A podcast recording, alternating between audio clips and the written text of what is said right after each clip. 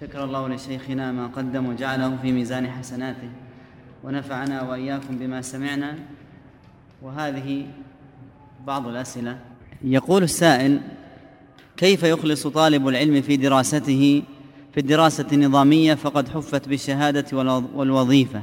نقول يكون للإنسان قصد أولي ويريد بهذا العلم وجه الله عز وجل. يرفع الجهل عن نفسه.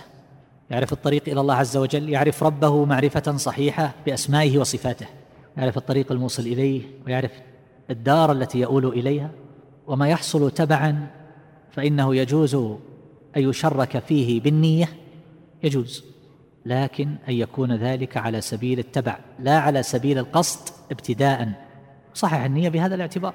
يقول السائل شيخنا الفاضل أنا موظف أعمل من الثامنة صباحا وحتى السادسة أو أكثر. فليس لدي وقت لطلب العلم. يقول والحمد لله فالله من علي بحفظ كتابه ولكن هل أقضي وقتي فقط في المراجعة والتفسير أم ماذا أفيدنا؟ أقول لا تنقطع من مجالس العلم لا تنقطع.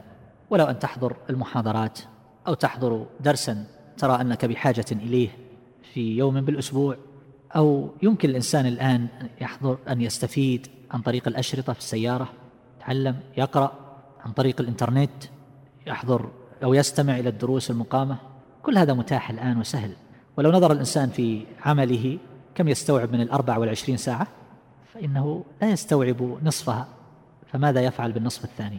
يقول السائل تعلمون يا شيخ أنه لا يجوز البقاء في مكان يزاول فيه المنكر فإذا كان الشخص يرى حرمة التصوير فهل يجوز له حضور بعض الدروس التي فيها تصوير للشيخ فقط علما أنه تصوير فيديو؟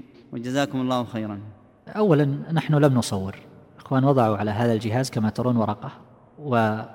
وهذه المسألة يعني هي مسألة تكلم الناس فيها وكلكم يعرف ذلك.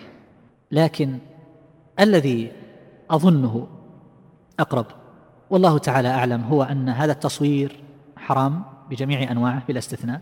ولكن حينما يصور في القنوات تبث فيها الدروس والمحاضرات وما أشبه ذلك أنا أقول هذا من باب ارتكاب أخف الضررين لدفع أعلاهما فلا يكون آثما بذلك. فهذا الفضاء الذي ملئ بالشرور الشبهات والشهوات والفساد العريض وصار الناس يتلقون من القنوات لا يمكن أن يترك. وإلا فإن ذلك سيكون جناية عظيمة على أديان الناس وأخلاقهم. فلا بد من مزاحمته في تعليم الناس الدين عقائد الصحيحة أخلاق مستقيمة وتحذيرهم من الشر والباطل والشهوات والشبهات. لا بد من هذا. فيكون من قبيل ارتكاب أخف لكن لا نتوسع. أصبحنا نجد التصوير الآن في حفلات وفي كل مكان وحفلة مدرسة ابتدائي تحفيظ سادس ابتدائي يتخرجون ويصورون وثالث متوسط وفي كل مناسبة حتى في الحرم يصورون أنفسهم فما يجوز. شكر الله لشيخنا ما قدم وجعله في ميزان حسناته ونفعنا وإياكم ما سمعنا. جزا الله فضيلة الشيخ خير الجزاء. وجعلنا الله وإياكم ممن يستمعون القول فيتبعون أحسنه. وتقبلوا تحيات إخوانكم في تسجيلات الراية الإسلامية بالرياض هاتف رقم أربعة تسعة واحد واحد تسعة ثمانية خمسة. وتقبلوا تحيات إدارة الشؤون العلمية بمجمع نورين الدعوي بحي الوادي بمدينة الرياض. وللتواصل هاتف رقم اثنان سبعة خمسة سبعة واحد سبعة اثنان.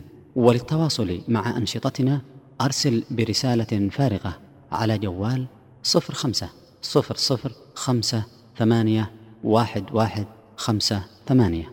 أو نسعد بزيارتك لموقعنا على الإنترنت www.نورين والسلام عليكم ورحمة الله وبركاته.